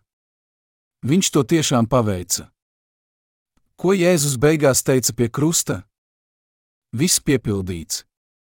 Jēzus Kristus uzņēmās visus pasaules grēkus, tika notiesāts uz nāvi Poncija Pilāta tiesā un tika sodīts pie krusta un viņš savu krustu nesdams gāja uz vietu, ko sauc par pieras vietu, ebrejiski Golgatu. Tur tie viņu sita krustā un kopā ar viņu divus citus, katrā pusē vienu, bet vidū jēzu. Bet Pilārs lika taisīt uzrakstu un piestiprināt to pie krusta, tur bija rakstīts: Jēzus Nacerietis, jūdu ķēniņš. Šo uzrakstu lasīja daudzi jūdi, jo vieta, kur Jēzus bija krustā sists, bija tuvu pie pilsētas, un rakstīts bija ebreju, Romiešu un grieķu valodā Jāņa pulksten 19, 17, 20. Paskatīsimies, kas notika pēc tam, kad Jēzus sita krustā. Pēc tam, zinādams, ka viss ir pabeigts un lai piepildītu rakstus līdz galam. Saskaņā ar rakstiem viņš bija uzņēmies mūsu grēkus. Jēzus sacīja: Man slāpst! Tur stāvēja trauks ar etiķi, Tie uzsprauda sūkli ar etiķi uz īzapa stiebra un to pacēla pie viņa mutes. Etiķi ņēmis, Jēzus sacīja: Viss piepildīts. Un galvu nokāris atdeva garu dievam Jāņa pulksten 19, 28, 30. Kad viņš bija saņēmis etiķi, viņš teica: Viss piepildīts, nokāra savu galvu un atdeva savu garu. Viņš bija miris, un Jēzus Kristus augšām cēlās pēc trīs dienām un uzkāpa debesīs. Pāršķirsim uz ebrejiem 10, 1, 9. Jo bauslībai piemīt nākamo labumu ēna, ne pats lietu veids, nekad nevar arī gadus ar tiem pašiem upuriem, ko nepārtraukti atnes, padarīt pilnīgus tos, kas ar tiem tuvojas. Jo vai citādi upurēšana nebūtu mitējusies, tāpēc ka upurētāji, reiz šķīstīti, neapzinātos vairs nekādus grēkus bet ar upuriem ik gadus tiek atgādināti grēki, jo vēršu un āžu asinīm nav varas atņemt grēkus. Tāpēc pasaulē ienākdams viņš saka: upurus un dāvanas tu neesi gribējis, bet miesu tu man esi radījis. Dedzināmie upuri un grēku upuri tev nav patikuši. Tad es sacīju: Raugi, es nāku, grāmatā par mani ir rakstīts, tavu prātu darīt, ak, Dievs! Iepriekš sacījis: upurus un dāvanas un dedzināmos upurus un grēku upurus, kas pēc bauslības tiek upurēti, tu neesi gribējis un tie nav tev patikuši, tad viņš sacīja: Raugi, es nāku tavu prātu darīt. Viņš atceļ pirmo, lai nodibinātu otru. Mūžīgais izpirkums. Kā mēs varam atrisināt ikdienas grēku problēmu, kad ticam Jēzum? Apstiprinot, ka Jēzus jau nomazgājis visus mūsu grēkus savās kristībās. Bauslība bija nākamo labumu ēna. Vecās derības aitu un āžu upuri atklāja mums, ka Jēzus Kristus nāks un tāpat paņems mūsu grēkus, lai nomazgātu visus grēkus. Visi vecās derības ļaudis, Dāvids, Ābrahāms un visi pārējie zināja un ticēja tam, ko upurēšanas sistēma viņiem nozīmē. Tā atklāja, ka kādu dienu nāks Mesija, Kristus, Kristus nozīmē glābējs un nomazgās visus viņu grēkus. Viņi ticēja savam izpirkumam un tika glābti ticībā. Bauslība bija nākamo labumu ēna. Grēku upuru pienešana dienu pēc dienas, gadu pēc gada nekad nespēja mūs izpirkt pilnīgi. Tādēļ uz zemes bija jānāk pilnīgajai un mūžīgajai būtnei, bezvainīgajam dieva dēlam. Un viņš teica, ka nācis piepildīt sava tēva gribu, kā rakstīts viņa rakstītajā grāmatā. Tad viņš sacīja: Raugi, es nāku tavu prātu darīt. Viņš atceļ pirmo, lai nodibinātu otru. Mūsu grēki ir izpirkti tāpēc, ka Jēzus paņēma mūsu grēkus, kā ir rakstīts vecajā derībā, un tāpēc, ka mēs ticam viņam. Lasīsim ebrejiem pulksten desmit desmit. Pēc šīs gribas mēs esam ar Jēzus Kristus miesas upuri padarīti svēti pavisam. Pēc šīs gribas mēs esam ar Jēzus Kristus miesas upuri padarīti svēti pavisam. Vai mēs esam padarīti svēti vai nē? Mēs esam. Ko tas nozīmē? Dievs Tēvs sūtīja savu dēlu un nodeva visus mūsu grēkus viņam caur kristībām, un tiesāja viņu pie krusta vienreiz un par visiem. Tā viņš atbrīvoja mūs visus, kas cieta no grēka. Tā bija Dieva griba. Lai atbrīvotu mūs, Jēzus pats sevi piedāvāja vienreiz un par visiem, lai mēs varētu kļūt svēti. Un mēs esam kļuvuši svēti. Jēzus upurēja sevi par visiem mūsu grēkiem, un viņš mira mūsu vietā, lai mūs nebūtu jātiesā. Vecās derības upuri pienesa katru dienu, jo bija nepieciešams cits upuris, lai nomazgātu visus jaunos grēkus. Jāņa 13 stāstīts, kā Jēzus mazgāja Pētera kājas. Viņš mazgāja Pētera kājas, lai parādītu viņam, ka Pēters grēkos arī nākotnē un iemācītu viņam, ka viņš ir izpircis arī šos grēkus. Jēzus zināja, ka Pēteris atkal grēkos, tādēļ viņš ielēja bļodā ūdeni un mazgāja viņa kājas. Pēters centās iebilst, bet Jēzus teica: Ko es daru, to tu tagad nezini, bet pēc tu to sapratīsi. Tas nozīmē, tu atkal grēkosi. Tu mani aizliegsi un atkal grēkosi pēc tam, kad es nomazgāšu visus tavus grēkus. Tu grēkosi pat pēc tam, kad es būšu uzkāpis debesīs. Tādēļ es mazgāju tavas kājas kā brīdinājumu sātanam, lai viņš tevi nekārdina, jo es jau esmu paņēmis tavus nākotnes grēkus. Vai tev šķiet, ka viņš mazgāja Pētera kājas, lai pateiktu, ka mums katru dienu jānožēlo grēki? Nē. Ja mums grēku izpirkšanai tie katru dienu būtu jānožēlo, tad Jēzus nebūtu vienreiz un uz visiem laikiem paņēmis visus mūsu grēkus. Bet Jēzus mums teica, ka Viņš mūs darīs svētus vienreiz un uz visiem laikiem. Ja mums katru dienu būtu jānožēlo grēki, mēs tikpat labi varētu atgriezties vecās derības laikos. Kurš tad varētu kļūt taisnīgs? Kurš varētu saņemt pilnīgu izpirkumu? Pat ja mēs ticētu Dievam, kurš varētu dzīvot bez grēka? Kurš varētu kļūt svēts, nožēlojot grēkus? Mēs katru dienu nepārtraukti grēkojam, tāpēc kā gan mēs varētu lūgt atdošanu par katru grēku? Kā mēs varētu būt tik biezādaini un katru dienu mocīt viņu, lai saņemtu izpirkumu? Mēs mēdzam aizmirst savus rīta grēkus jau vakarā un savus vakara grēkus nākamajā dienā. Mēs nespējam pilnīgi nožēlot visus savus grēkus. Tādēļ Jēzus vienreiz kristījās un vienreiz upurēja sevi pie krusta, lai mēs visi vienlaikus kļūtu svēti. Vai tu to saproti? Visi mūsu grēki vienreiz tika izpirkti. Mūsu grēki netiek izpirkti katreiz, kad mēs tos nožēlojam. Vai ir vēl kāds grēks, par kuru mums būtu jālūdz atdošana? Nē. Mēs tiekam glābti no saviem grēkiem, ticot, ka Jēzus paņēma visus mūsu grēkus, tavus grēkus un manus grēkus. Un katrs priesteris gan ikdienas stāv kalpodams un bieži tos pašus upurus upurēdams, kas nekad nevar iznīcināt grēkus bet viņš vienu upuri par grēkiem upurējis, uz visiem laikiem ir nosēdies pie dieva labās rokas, joprojām gaidīdams, kamēr viņa ienaidnieki tiks likti viņa kāju pameslam. Jo ar vienu upuri viņš uz visiem laikiem ir padarījis pilnīgus tos, kas tiek darīti svēti. Bet arī svētais gars mums liecina. Pēc tam, kad ir teikts, šī ir tā derība, ko es ar viņiem celšu pēc tām dienām, saka tas kungs, Savus baušļus es došu viņu sirdīs un rakstīšu tos viņu prātā, un viņu grēkus un viņu netaisnības vairs nepieminēšu. Bet kur ir grēku piedošana, tur vairs nav upuru par grēku ebrejiem pulksten 10, 11, 18. Ko nozīmē grēku piedošana? Pulksten 10, 18. pantā tas nozīmē, ka visi grēki, ik viens grēks bez izņēmuma, izpirkts uz mūžiem. Dievs viņiem ir piedevis. Vai tu tam tici? Bet kur ir grēku piedošana, tur vairs nav upuru par grēku. Apkoposim visu iepriekš minēto.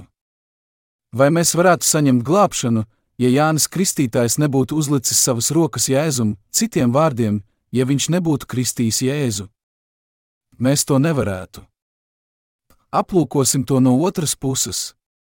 Vai Jēzus varētu nomazgāt visus mūsu grēkus, ja viņš nebūtu iecēlis Jāni Kristītāju par visas cilvēces pārstāvi un caur viņu uzņēmies visus mūsu grēkus. Viņš to nevarētu. Dieva likums ir taisnīgs. Tas ir godīgs. Viņš nevarēja vienkārši pateikt, ka ir mūsu glābējs, kas uzņēmies visus mūsu grēkus. Viņam fiziski bija jāpaņem mūsu grēki. Kādēļ Jēzus, Dievs, nāca pie mums miesā? Tādēļ, ka viņš zināja visus cilvēces grēkus, sirds un miesas grēkus, un, lai paņemtu visus cilvēces grēkus, viņam, Dieva dēlam, bija jānāk pie mums miesā. Ja Jēzus Kristus nekristītos, mūsu grēki paliktu. Ja viņš tiktu sists krustā nepaņēmis mūsu grēkus, viņa nāvei nebūtu nekādas nozīmes. Tā mums neko nedotu. Pilnīgi nekādas nozīmes. Tādēļ, tad, kad viņš 30 gadu vecumā sāka savu publisko kalpošanu, viņš nāca pie Jāņa Kristītāja uz Jordānu kristīties. Šī viņa kalpošana sākās 30 gadu vecumā un beidzās 33. Kad viņam bija 30, viņš devās pie Jāņa Kristītāja kristīties. Tam tā jānotiek, jo tā mums jādara, lai visi cilvēki tiktu glābti un kļūtu taisnīgi. Tas ir jādara tagad kristī mani. Jā, Jēzus Kristus kristījās, lai ik viens varētu saņemt izpirkumu. Tā kā Jēzus bija kristījies un paņēmis visus mūsu grēkus, un tā kā visi mūsu grēki caur Jāņa Kristītāja rokām tika nodoti viņam, pats Dievs novērsa savas acis, kad Jēzus mira pie krusta. Pat ja Jēzus bija viņa vienpiedzimušais dēls, viņam bija jāļauj, lai viņa dēls mirst. Dievs ir mīlestība, bet viņam bija jāļauj, lai viņa dēls mirst. Tāpēc trīs stundas pār zemi bija tumsa. Jēzus pirms savas nāves iekļiedzās: Ēli, ēli, lamā zabahtani, tas ir mans dievs, mans dievs, kāpēc tu esi mani atstājis? Jēzus uzņēmās visus mūsu grēkus un pie krusta saņēma par mums sodu. Tā viņš mūs izglāba. Bez Jēzus kristībām viņa nāvei nebūtu nekādas nozīmes. Vai tu esi grēcinieks vai taisnīgs cilvēks? Taisnīgs cilvēks, kura sirdī nav grēka. Ja Jēzus mirtu pie krusta, nepaņēmis visus mūsu grēkus un nekristījies, viņa nāve nesniegtu izpirkumu. Lai izpirktu mūs, Jēzus kristījās pie Jāņa, visu cilvēku pārstāvja, un saņēma sodu pie krusta, lai visi, kas viņam tic, tiktu glābti. Tādēļ no Jāņa Kristītāja dienām debesu valstībā laužas iekšā. Tāpēc, ka Jānis Kristītājs nodeva visus pasaules grēkus Jēzum, mani un tavi grēki var tikt izpirkti. Tādēļ tu un es tagad varam saukt Dievu par savu tēvu un droši ieiet debesu valstībā. Ebrejiem pulksten 10.18, bet kur ir grēku piedošana, tur vairs nav upuru par grēku. Vai jūs visi esat grēcinieki? Tagad, kad Jēzus jau ir nomaksājis visus jūsu parādus, vai jums tie vēl jāmaksā?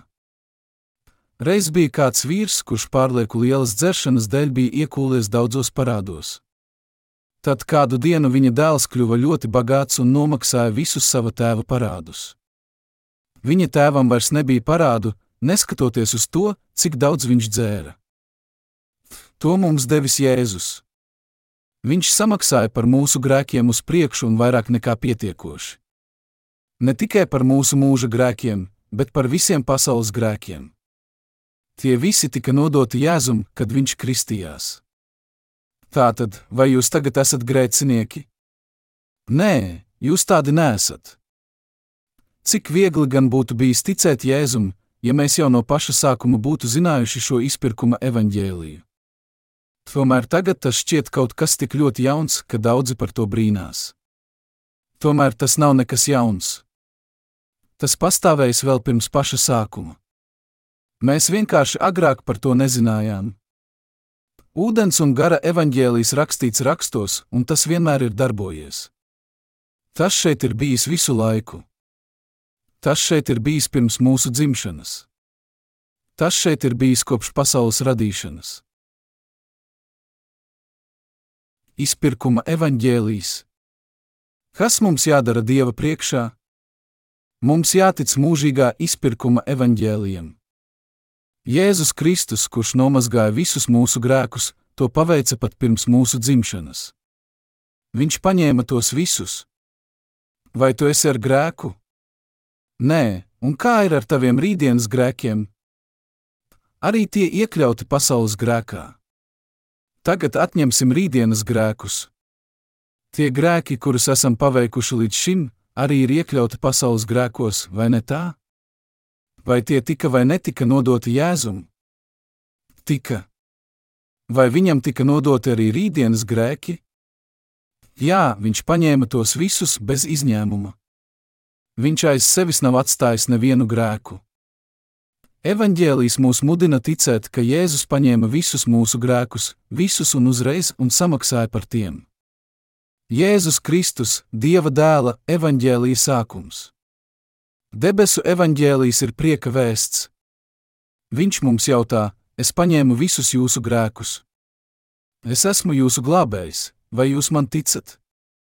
Starp neskaitāmiem cilvēkiem tikai daži atbildēs: Jā, es ticu. Es ticu, kā tu mums esi teicis. Tas bija tik vienkārši, ka es to tūliņ sapratu.